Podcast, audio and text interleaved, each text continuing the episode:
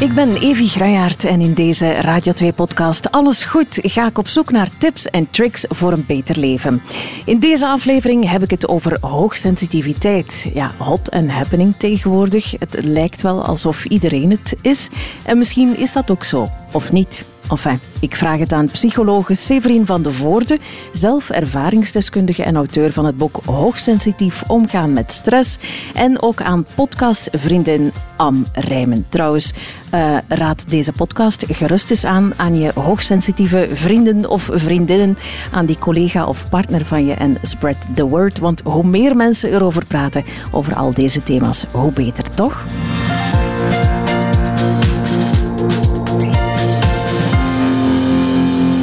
Severin, uh, hier ben je weer. Ja, hallo. Heel blij dat ik hier terug mag zijn. Voilà. Ik begin altijd sowieso met de vraag, alles goed? Uh, terug wel. Na een weekje heel veel ziek te zijn, ben ik super blij dat mijn energie terug is. Ah, wel, je ziet er sprankelend en uh, vol energie uit in ieder geval, dus dat komt goed. Um, Anne, hoe zit dat bij jou? Alles goed. dat is altijd kort en krachtig. Ja, alles goed. Dat is zo van shut up en doe voort. Ja. Nee, het is gewoon goed. Ja? Ik vind het leuk om hier te zijn. Ja. Ah, okay. Ik vind altijd tof, toffe onderwerpen. Uh, ja. ja, ik vind het leuk. Oké. Okay. Um, nu, hoogsensitief zijn. Um, ik beken dat het iets is waar ik uh, zelf heel benieuwd naar ben ook. Ik, ik vermoed, ik heb een donkerbruin vermoeden dat ik het zelf heb. Hè, want uh, leuke activiteiten die kosten mij ook heel veel energie. Ook al is dat met leuke mensen, uh, al die indrukken die ik opdoe, ik moet daarvan bekomen. Uh, positief en, en negatieve situaties. En ik moet ook zeker voldoende alleentijd hebben. Niet omdat ik asociaal ben, maar ik, ik heb dat nodig om terug op te laden, om niet in het rood te gaan. En ik vroeg me af, is, is dat een kenmerk van hoogsensitief zijn of niet? Severin, misschien moet je eens beginnen met de kenmerken van hoogsensitiviteit te schetsen. Het is zo, hoogsensitiviteit is eigenlijk de term die wordt gebruikt voor het aanduiden van een totaalpakket aan eigenschappen die we zien in het gedrag, mm-hmm. zoals bijvoorbeeld een sterk empathisch vermogen. Prikkelgevoeligheid hoort daar ook bij, maar er zijn wel heel wat meer eigenschappen die we zien, um, maar die zijn het gevolg van een andere werking van het brein en van het zenuwstelsel. Uh, er zijn bijvoorbeeld veel meer uh, hersengebieden die actiever zijn dan bij een niet-sensitief brein. Um, en het autonoom zenuwstelsel pikt ook veel meer signalen op uit het lichaam en uit de buitenwereld. En dat zorgt ervoor dat er een andere manier is van informatie verwerken. En dat is eigenlijk de kern van hoogsensitiviteit. Mensen die hoogsensitief zijn, die verwerken veel meer prikkels, veel meer subtiliteiten. En ze doen dat ook op een diepgaander, complexer um, niveau. Waardoor dat wij eigenlijk uh, als hoogsensitieve personen veel meer linken leggen tussen informatie, veel meer het totaalplaatje zien, veel meer rekening houden met uh, de groep als geheel. We zijn zeer sterk sociaal gericht. We zijn heel hard, heel hard bezig met de, de context waarin we ons bevinden. Um, dus dat is eigenlijk de essentie van hoogsensitiviteit. Maar natuurlijk, als je meer prikkels oppikt en die intenser verwerkt en daar diepgaand over nadenkt en dat wordt heel complex geanalyseerd, dan is het uiteraard ook logisch dat je sneller overprikkeld kan geraken. Mm -hmm. En dat is wat jij beschrijft, Evi. Dat is eigenlijk het effect van te veel tegelijkertijd moeten verwerken. Ja. En dan mag je recupereren, dan mag je absoluut de tijd nemen om daarvan te recupereren. Ja. Uh, Han, ik, ik, zie jou bedenkelijk kijken. Nee, nee, ik was aan het luisteren. Uh, en, en dus ik heb, ik heb thuis wel iemand met een uh, hoogsensitiviteit. Um, ja, wat is diagnose. het eigenlijk? Hoe zeggen we dat op een correcte Want manier? Er is nog heel veel verwarring over de term. Eigenlijk spreken we zelfs niet over een diagnose, hè. Mm -hmm. uh, omdat het geen stoornis is. Hè. Het is een label dat je kan krijgen. Ja, een label, dat ja. is het. Ja. Zoals je bijvoorbeeld ook hoogbegaafd kan zijn. Hè. Mm -hmm. Dat is ook geen stoornis natuurlijk. Hè. Dus het is een label dat heel veel handvaten geeft. Um, maar wat we zien, zelfs in de professionele praktijk, is dat er nog heel veel verwarring is tussen bijvoorbeeld autisme, hoogsensitiviteit, ADHD enzovoort. Ja, ligt allemaal heel dicht bij elkaar ook, hè? Ja, en ook niet. maar ik denk dat je inderdaad ook de brede kennis nodig hebt dan en professionals die echt met alle concepten, um, die, die de, alle concepten heel grondig kennen en diep gaan begrijpen. Anne, hoe uitte zich dat bij jouw dochter? Dat is um, heel erg tegen onrecht zijn, um, opkomen voor andere kinderen. Heel veel dingen ook niet begrijpen die gebeuren in de wereld. Zich overal vragen over stellen. vaak ook uit groepen gaan wegens de druk of het niet aankunnen. Of, uh, en de school heeft daar wel goed in, in, in geholpen. Er, er stond een caravannetje op de speelplaats, oh. uh, waar dat ze zich effectief mocht afzonderen. Was dat tof? En ze kreeg dan, ja, ik vond dat wel een goed systeem, want om te vermijden dat ze dan natuurlijk elke dag zou zitten, kreeg ze drie bonnetjes en die mocht ze opmaken doorheen de week. Ah, ja. Dus dan mocht zij inzetten van, kijk, nu gaat dit echt niet en mm -hmm. ik moet even alleen zijn. Want op een bepaald moment dacht ik van, had de school gebeld en zeiden van, ja, heeft ze uh, problemen met de darmen? Ik zei, met de darmen? Geen idee. Waarom? ja, ze gaat altijd naar het toilet tijdens de les. En dan vroeg ik dat en dan vroeg ik van, waarom moet jij zo vaak naar het toilet gaan? Nee, maar ik ga dan naar buiten op een hoekje van de speelplaats staan waar niemand mij ziet en iedereen denkt dat ik op het toilet zit. Ah, Of er zijn nog van die dingen, heel laat de klas uitkomen om je jas aan te doen. Dat is gewoon omdat je niet in de drukte wil zitten om ja. je naar buiten te gaan. Je verstoppen onder de tafel van, van, van de kleuterklas.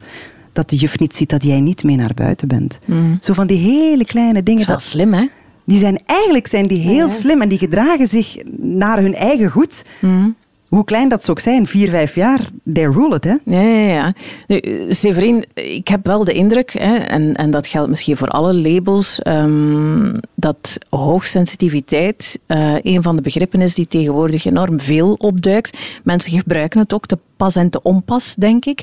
Um, het, is bijna, het is ook hip bijna om het te hebben. Ik, ik durf het zelf bijna niet meer zeggen. Mm. Als je het moeilijk, echt hè? hebt, dan... Ja. Ik, ik geneer mij bijna om, om dat te zeggen. Omdat er dan ook vaak neerbuigend over wordt gedaan van... Oh ja, ja, hè, maar je zoekt het dan zelf op. Hè. Je zit dan ook nog een keer in de media of je ja. doet dit of je doet dat. Ja, doe een keer een gewone job. Hè. Maar ik, ik was het eigenlijk al lang voordat het een hype was. Hype is het al hoor. Ja, maar het ding is, het is geen hype het heeft altijd al bestaan en het komt eigenlijk al sinds 1913 in de wetenschappelijke literatuur naar boven onder verschillende begrippen. Um, het is pas recent dat echt heel mooi is afgebakend, dat we het verschil kunnen maken bijvoorbeeld tussen um, overprikkeld zijn, over emotioneel reageren en hoogsensitiviteit als kerneigenschap. Um, als, wat, wat, is daar dan het verschil tussen? Als hoogsensitiviteit dat is echt de manier waarop dat je naar de wereld kijkt. Dat is een heel andere manier van uh, de wereld waarnemen. Je hebt een vergrootglas, hè, je ziet de subtiliteiten, je merkt dingen op die anderen ontgaan. Ja. Ja. Je, leest, uh, je leest mensen, je mm -hmm. voelt sferen, dus je merkt veel meer op. Um, en dan ga je dat dus ook nog eens dieper gaan verwerken. Je gaat er veel meer over nadenken. Ja. Um, en, en dan die sociale gerichtheid daarbij. Dus het, het, het, heeft altijd al bestaan, maar het is nu pas dat, er, dat het zo mooi afgeleid wordt. Hè. Um, en, en, ja, en, en dus dan, je, maakt, je hebt gewoon een groot risico om chronische stress te ontwikkelen. Waarom? Omdat je veel meer prikkels opneemt, daar veel meer over nadenkt. Dat sterk rechtvaardigheidsgevoel, uh, dat sterk empathisch vermogen dat er is, waardoor dat je emoties van anderen gaat overnemen, de zorgen van de wereld op je schouders dragen. Dus je hebt gewoon veel meer um, een stresssysteem dat, dat sneller, vaker en intenser wordt ge, geactiveerd, waardoor dat je een groot risico loopt op chronische stress. Is er en, dan ook een groter risico op bijvoorbeeld burn-out, depressies, ja. angstproblematieken? Ja, ja, ja, absoluut. Want chronische stress is een energievreter. Daarnaast heeft hoogsensitiviteit ook als gevolg dat je een aantal energielekken hebt die anderen vaak niet hebben. Bijvoorbeeld um, omdat je zoveel prikkels verwerkt. Echt, die prikkelverwerking, die, die, die diepgaande verwerking, energie, dat is topsport hè, voor ja, je brein. Ja. Dus dat kost gewoon veel meer energie. Dus mensen die uh, hoogsensitief zijn, lopen een groot risico op uh, chronische stress, op burn-out. Maar dat hoeft niet zo te zijn. Als jij heel goed jouw stressoren kent en je weet wat jouw hoogsensitieve behoeften zijn en je houdt daar rekening mee in jouw planning en in de manier waarop dat jij jouw leven inricht, dan, dan kan je echt floreren. Hè. Dat is echt wel de, mijn missie om, om te tonen van over emotionaliteit en ja, over nu klinkt het allemaal heel erg negatief wel, van ja. hoe je hoogsensitief en je gaat in een burn-out terechtkomen. En, maar eigenlijk, het is, zo, het is zoals ik thuis ook zeg, die superkracht die er is, gebruik die.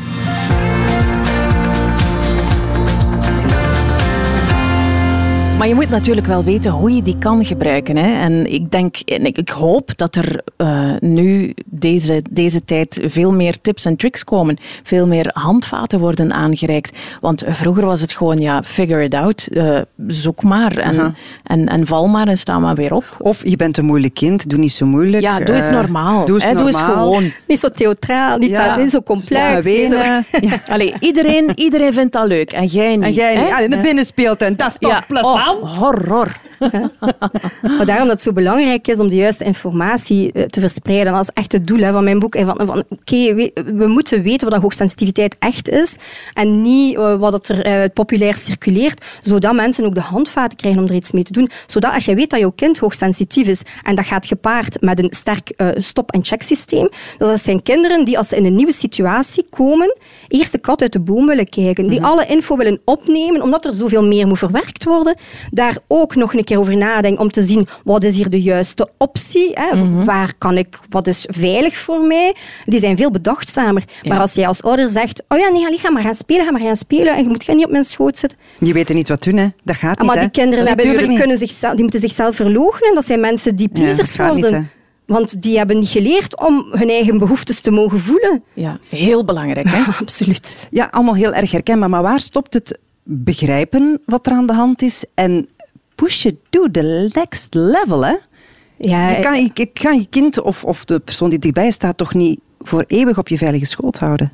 Nee, maar als ze die kans krijgen om eerst um, de veiligheid of de omgeving te scannen en de veiligheid te ervaren, dan gaan ze ook wel vanzelf. Van zodra ze veilig voelen, gaan ze gaan ze dat doen. Ja. En, en ook overleg met je kind. Vraag wat het nodig heeft om te kunnen. Hoe lang gaan we blijven? Wat wil je doen? Um, wie mag er bij jou zijn? We gaan in gesprek met jouw kind uh, om te kijken hoe kan het, maar, maar zelfredzaam zijn daarin. Hè? Want natuurlijk is het niet de bedoeling dat je als ouder constant um, je kind gaat beschermen, want dat is dan ook een, een risico bij hoogsensitieve kinderen. Hè? Dat we gaan overbeschermen. Mm. Want, oh, maar er is een, ja, een, een mooi evenwicht te zoeken tussen voldoende veiligheid laten ervaren en toch die autonomie te geven om zelfredzaam te, te kunnen zijn. Maar misschien als je dan kijkt naar, naar collega's, collega's of bij volwassenen, om van kind naar eh, volwassenen te gaan. Um, als er bijvoorbeeld een collega is die, die, die nogal itchy reageert, dan moet je niet meer zeggen van, oh nee, niet goed slapen, maar dat kan, je, dat kan even goed een hoogsensitief persoon zijn dan. Ja, maar dan toch een hoogsensitief persoon met stress. Want dat, dat, dat itje, dat prikkelbaar zijn, dat is een signaal van overprikkeling. Uh, en overprikkeling is gewoon je stresssysteem dat op een gegeven moment zodanig overbelast is dat je prefrontale cortex, je denkbrein, weg uh, of uh, uitgeschakeld wordt. En dan ben je prikkelbaar. Maar dan is toch iedereen hoogsensitief. Nee, nee, maar dat is niet hoogsensitief, dat is prikkelgevoelig of overprikkeld. dat, is, dat is het ding. Het allemaal oplijsten, want kan ja. anders kan ik niet volgen. Hè? Moet daar eens een mindmap van maken, dan. Oké. Ja, maar dat is het ding. Zolang dat iedereen blijft denken dat overprikkeling hetzelfde is als hoogsensitiviteit, dan blijven we naast elkaar babbelen. Hè? Iedereen die, die stress ervaart, zal overprikkeld reageren. En zal op dat moment ook overemotioneel reageren, omdat je je controle over je emoties en impulsen op dat moment niet kunt houden. Maar dat zie je bij, bij iedereen met stress. Dus hoogsensitiviteit zit aan het begin van de ketting. Je hebt een groter risico op uh, stress, dat zit dan in het midden. En het is stress die de oorzaak is van overprikkeling en overemotionaliteit. Dus niet iedereen die hoogsensitief is, die reageert overprikkeld of overemotioneel. Als jij goed aan emotieregulatie doet bijvoorbeeld, mhm. geen probleem. En niet iedereen die overprikkeld of overemotioneel reageert, is, is hoogsensitief. Ja, oké, nu ben ik mee. Oké, dan ben ik mee. Ja. Maar vaak wordt dat dan wel gezegd als mensen dat weten, hè, van oké, okay, je bent hoogsensitief en je reageert een keer op iets. Uh, of, of je schiet in een paniek, of je, je wordt angstig of kwaad of whatever, dan zeggen ze van, ah, dat is toch zo moeilijk hè, om met u, met u allee, dat is zo fragiel. Hè. Zo moeilijk met samen te werken, hè, Evie. Terwijl dat ik dat toch echt niet vind van mezelf, hoor.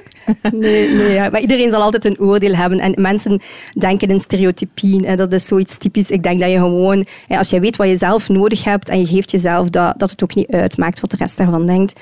Uh, ik denk dat dat de kunst is uiteindelijk van zodanig te weten hoe hoog sensitiviteit bij jezelf werkt en wat je nodig hebt, dat je het helemaal niet aantrekt wat een ander daarvan Maar ja, goed, als je hoogsensitief bent, dan trek je het net wel extra hard aan. Ja, pas op, maar dat, ook dat kunt je leren, omdat dat een stuk te maken heeft met afwijzingsgevoeligheid. Hè. 50% mhm. van de hoogsensitieve personen heeft afwijzingsgevoeligheid ontwikkeld, omdat je net als kind niet mocht zijn heel vaak hoe dat gevoelde dat je wou zijn. Hè. Doe, niet, doe normaal, inderdaad. Hè.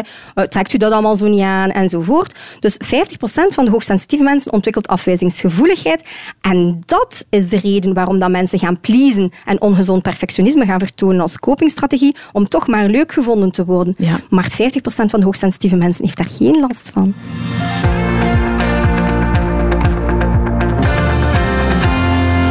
Severin, je hebt er een, eh, gelukkig een boek over geschreven. We moeten dat hier niet allemaal onthouden, aan. Uh, hoera. Ja, ik was al aan het lezen, hier aan de achterkant. Ja, hè. hoogsensitief omgaan met stress. Um, zit daar ook een, een deeltje in over misvattingen? Absoluut. Ja, want, want, daar zijn heel veel misvattingen over. Hè. Zoals dat het veel eer vrouwen zouden zijn, bijvoorbeeld. Um, hè, dat je mensen die hoogsensitief zijn met fluwelen handschoentjes moet aanpakken. Dat ze niet veel aan kunnen, de hoogsensitieven. Um, dat iedereen hooggevoelig is. Hè. Doe ik niet moeilijk, doe dit normaal. Er is geen verschil, denk ik, tussen man en vrouw. Nee, 50 procent. Ah, ja. Alleen is het voor mannen... Um, veel mannen hebben hun hoogsensitieve kanten niet mogen ontwikkelen omwille van de traditionele westerse normen over, eh, of, de opvattingen over mannen. Hè. Hulp vragen, behulpzaam zijn, over je gevoelens communiceren, empathisch zijn. Um, dat zijn allemaal de kwetsbaarheid tonen. Dat zijn dingen die ook voor ons als vrouwen, en we hebben dat ook niet geleerd hè, in onze kindertijd. Uh, ik spreek nu, ik ben 1980, maar ik heb niet geleerd om over mijn emoties te communiceren. Mm. Nee. Uh, dus dat zijn dingen die we sowieso allemaal moeten leren. Maar voor mannen, die hebben nog, allee, die hebben nog een langere weg af te leggen. En um, Severin, ik neem aan dat je ook een soort van uh, toolkit hebt ondertussen, want je hebt het zelf. Hè? Geef zo eens een knaller van een tip.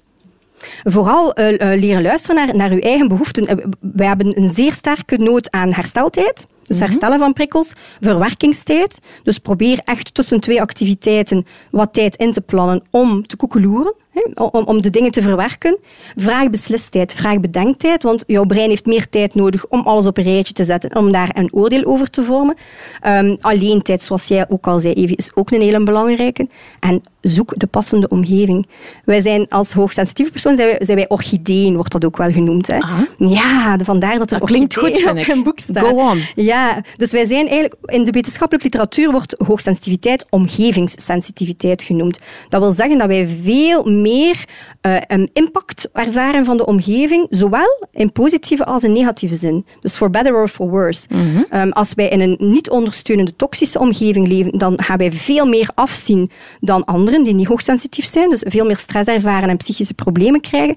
Maar mensen die hoogsensitief zijn en in een ondersteunende, warme omgeving uh, functioneren, die gaan net floreren. Hè? Die gaan echt kunnen uitblinken, zich onderscheiden van het gemiddelde. Dat zijn visionairen, dat zijn, uh, dat zijn mensen die, um, die, die uitvinden, dat zijn dingen die uitvinden, kunstenaars, hè, mensen die echt super creatief zijn, een sterke intuïtie hebben. Hè. Um, dus, maar, maar dat is dus een orchidee, een orchidee die niet in de juiste voedingsbodem staat, die, daar ziet je niks aan. Terwijl, oh, daar komen geen bloemen op. Hè. Nee, dat is niet gelijk een paardenbloem die tussen de straatstenen uh, overal kan bloeien. Maar een orchidee die heeft de juiste omstandigheden nodig, maar kan dan wel veel prachtiger bloeien dan een paardenbloem bijvoorbeeld. Ja, ik onthoud, jij bent de orchidee, Evie, en ik ben gewoon de paardenbloem.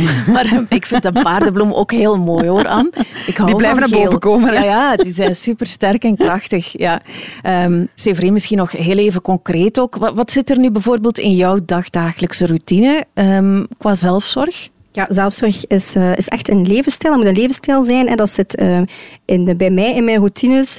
Uh, s morgens mijn buikademhalingsoefening. Dus uw buikademhaling is een super, super belangrijke tool. Omdat je daarmee je stresslevel kalmeert. En ook leert om je energie binnen te houden. En, heel concreet, want er zijn er ook duizend en één precies. Hè? En iedereen heeft een andere versie ervan. Van een buikademhalingsoefening? Ja, het principe is gewoon dat je langer uitademt dan inademt. En dat je via de buik ademt. En dan is denk ik... Ik gebruik bijvoorbeeld de app Respirelax Plus die geeft mij in, zes tellen uit. Maar het is aan jou om te ontdekken wat voor jou jouw ideale ritme is.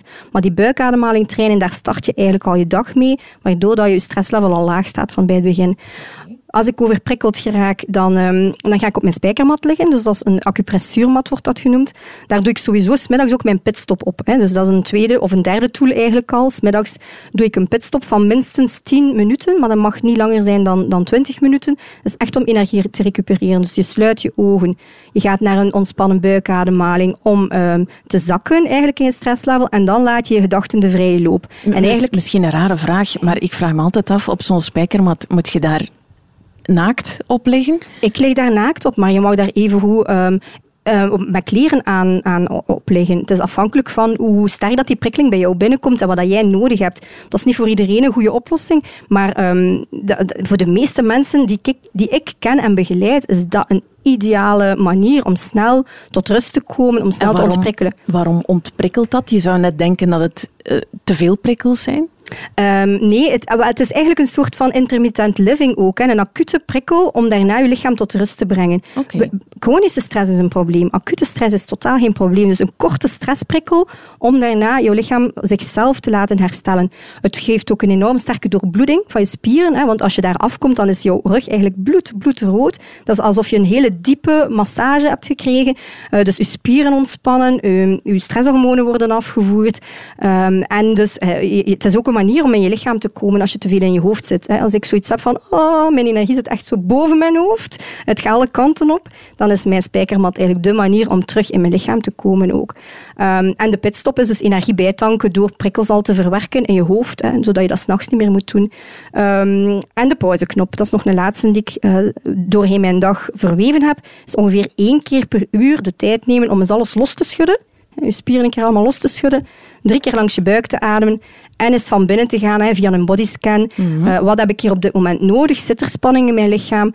Um, en en wat, wat, kan ik voor mezelf nu doen op dit moment? Dus dat zijn een aantal tools die ik gebruik. En dat zijn routines geworden. Hè, zoals, je, zoals je zei, dat zijn dingen waar ik niet meer moet over nadenken. Mijn lichaam voelt dat eigenlijk wanneer ik wat nodig heb. Natuurlijk, ja. Als je op je bureau zit in, in een bedrijf en je gaat dan uh, op uw spijkermat uitrollen? Ja, je moet creatief zijn. Maar ik, ik ken mensen die dan bijvoorbeeld uh, in hun auto gaan zitten. Ja.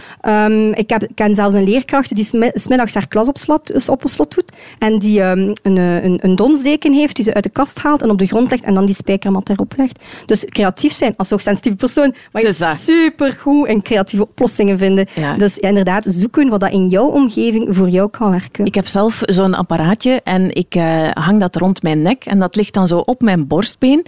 Ik steek oortjes in, daar zijn muziekjes bij en je kan dan een timer instellen. doe meestal ook 10 minuutjes. En dat trilt dan. Uh, ondertussen adem ik mee op die trilling.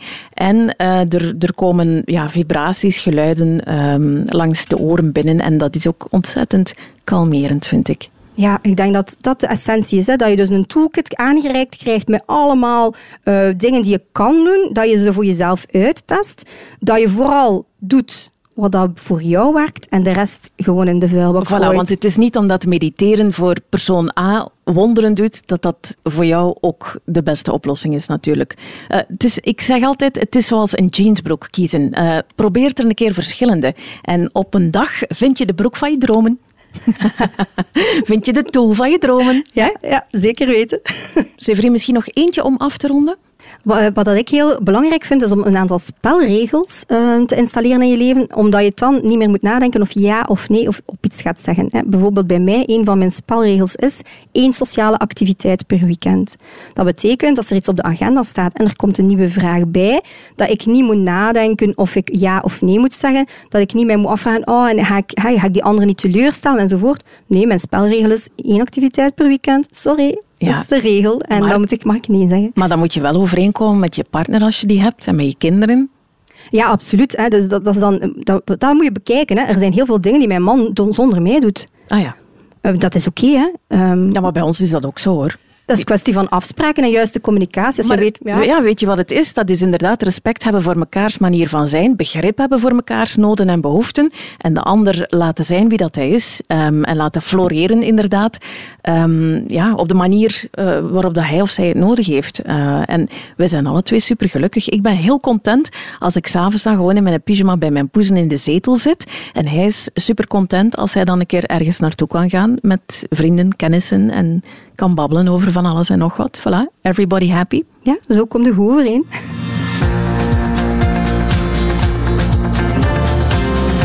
Severin, ja, jij combineert dat met een praktijk. Um, dat is toch ook niet evident, hè? Wat bedoel je? Dat het niet ah, wel, is? Dat zijn toch ook heel veel prikkels en heel veel mensen en heel veel... Emoties ook? Ja, ja maar dan, dat is inderdaad het ding. Hè. Dus bijvoorbeeld als, als, als psycholoog er zijn veel mensen die hoogsensitief zijn, die, die kiezen voor een beroep waarbij de empathie, hè, de, een van je sterktes, dat je die gaat gaan inzetten. Hè. Dus bijvoorbeeld, veel psychologen hebben ook de eigenschap hoogsensitiviteit. Hè. Um, maar eens dat je dat weet, dan kan je daar echt wel rekening mee houden in je energiebeheer. Hè. Ik zet bijvoorbeeld maar drie cliënten op een dag. Ah, ja, ja, ja daar, daar gaat echt over energiebeheer. Stressbeheer, energiebeheer. Dus hè, bijvoorbeeld maar drie cliënten op een dag, voldoende tijd ertussen om een pitstopje te pakken, dus hè, om mijn batterij weer weer op te laden, om te ontprikkelen, om alles los te laten, zodat ik helemaal klaar ben voor de volgende. Um, ja, dus, dus daar heel sterk mee rekening houden in je dagplanning uh, is wel een hele belangrijke. En ik heb ook geleerd, en dat zijn ook trucjes die in mijn boek staan, om een schild te zetten, bijvoorbeeld tegen emoties van anderen. Hoe doe je dat? Want ik vind dat allemaal goed en wel, hè, maar ja, laat het niet binnenkomen. Maar hoe mhm. doe je dat dan? Ja, maar het ding is, eh, eh, dus om aandacht te geven aan iets heb je prefrontale cortex nodig. Hè? Dus dat is een stuk van je brein. Maar die kan niet multitasken. Dus als je je op het ene focust, dan kan je je niet op het andere focussen. En dan, wat we echt heel sterk gaan gebruiken, is de ademhaling. Als je heel sterk focust op je ademhaling, ehm, dan hou je eigenlijk ook je zintuigen meer dicht en ga je de prikkels van de buitenwereld meer buiten houden. Plus, dus als je daar heel goed in getraind bent, heel goed je aandacht bij, bij jezelf houden, dan leren we ook een visualisatie te zetten. Een visualisatie van bijvoorbeeld een beschermend schild of een bubbel. Mhm. En dat klinkt misschien raar. Maar of een ei. Of een, ei. Ja, een ei rondje. een ei rond. En, en als je echt je energie kunt binnenhouden en een schild rond je visualiseert en je ademhaling goed controleert, omdat je dan je stresslevel laag houdt natuurlijk. Want hoe meer stress, hoe meer dat je zintuigen gaan openstaan en hoe meer dat je gaat oppikken van de buitenwereld. Mhm. Dus vooral je stresslevel laag houden, je energie bij je houden, je focus in je lichaam en via visualisatie je schild zetten. En dat, dat is echt iets, allee, hoe meer dat je dat doet, ik, ik, ik laugde daar vroeger mee. een schild ja? zetten, ja. Ik had zoiets van, hoe doe je dat nu? Hè? je moet dat echt visualiseren. Ja, je moet dat oefenen. Je komt er gewoon niet door. Oefenen, oefenen, oefenen, oefenen. En dus, elke keer opnieuw. Ja. dus Anne, de volgende keer dat ik opeens zwaar sta te ademen bij jou, als je, tegen mij aan dan zit ik even in mijn ei. Dat is goed doen. Laat mij dan even in mijn ei. Slaat niet kapot in mijn ei. Nee, nee, nee, ik laat jou rustig doen. Oké. Uh, is dat voor jou um, moeilijk, Anne? Uh, ik neem aan dat jij dan niet het gevoel hebt dat je hoogsensitief bent? Ik denk niet dat ik het ben. Severin is mij aan het uitlachen. Is dat erfelijk eigenlijk? Er zijn een zeer sterke genetische component, ja. Uh, Het is niet zo één op één, maar uh, ik, ik, merkte in mijn praktijk heel vaak, ik werkte eerst vooral met kinderen, uh, maar ik ben dan overge, overgestapt naar volwassenen, omdat eh, ik merkte dat het hoogsensitieve kind heel vaak een hoogsensitieve ouder had. Ja, had. Ja, en, eh, en dat we vooral met die ouder een stuk aan de slag moesten, omdat kinderen heel veel spiegelen wat ze bij hun ouders kinderen kopiëren hun ouders, hè, uiteraard. Dus misschien ben je het wel. Ik denk het niet. We laten het eens weten. Als je de lijst in het boek hebt, uh, hebt die van mij. ja, uh, heb jij je leven dus effectief um, actief aangepast, Severin, nadat je dat wist? En is er, is er zo één moment gekomen waarvan je dan van jezelf had van ja, ik weet het nu, ik ben het en ik ga mijn leven anders inrichten? Uh, ik wist dat ik het was, maar ik heb er geen rekening mee gehouden. En toen ben ik in een heel zware burn-out terechtgekomen. Um, en, en dan heb ik hoogsensitiviteit stilaan meegenomen in mijn traject. Uh, en nu hou ik daar... Mijn leven is daar rond, maar dat gaat niet echt over hoogsensitiviteit, het gaat echt over de behoeften die daarbij horen. Dus mijn leven is ingericht naar de behoeften, wat dat eigenlijk iedereen zou moeten doen. Maar is het, is het dan een, een soort van beperking? Ervaar jij het als een beperking of net als een versterking? Ik ervaar het absoluut niet meer als een beperking. Toen ik het leven nog leidde dat niet bij mij paste, want dat is het probleem. Als je afwijzingsgevoeligheid ontwikkelt, dan ga je keuzes maken in je leven voor een niet passende omgeving. Dan doe je dingen die eigenlijk niet bij jou passen passen, of omdat je er geen energie van krijgt en er keer op keer op leeg loopt, of omdat je in een toxische omgeving blijft met mensen die heel negatief zijn of in een negatieve sfeer. Maar eens dat jij, um, dat, jij dat weet en daar rekening mee gaat gaan houden en in de juiste omgeving gaat gaan leven en werken, maar dan is er eigenlijk echt, dan is, er, dan is het een feestje. Echt dan is het die superkracht, hè, dat ik altijd Het is echt wel zo, Anne, echt waar. Ja, maar ik geloof dat wel hoor. Ik noem dat ook niet voor niets floreren, dat is echt, dat is flow. Hè ik ben nu eh, op een punt gekomen dat ik perfect het leven leid dat bij mij past. Dus jij bent hier aanwezig in de podcast met je volle goesting? Ja, absoluut. Ja, ik vind dat wel spannend hè, om te doen. Ik, dat blijft wel iets nieuws en, en, en uitdagend. Maar, eh, maar dat, dat, ik, oh ja, ik geniet van mensen dingen uitleggen en van, van, van mensen naar een hoger niveau te tillen. En echt ja, mensen uit, uit, uit die negatieve spiraal te krijgen. Gewoon door juiste tools en de juiste inzichten. Dus ja, ik ben hier uh, heel blij.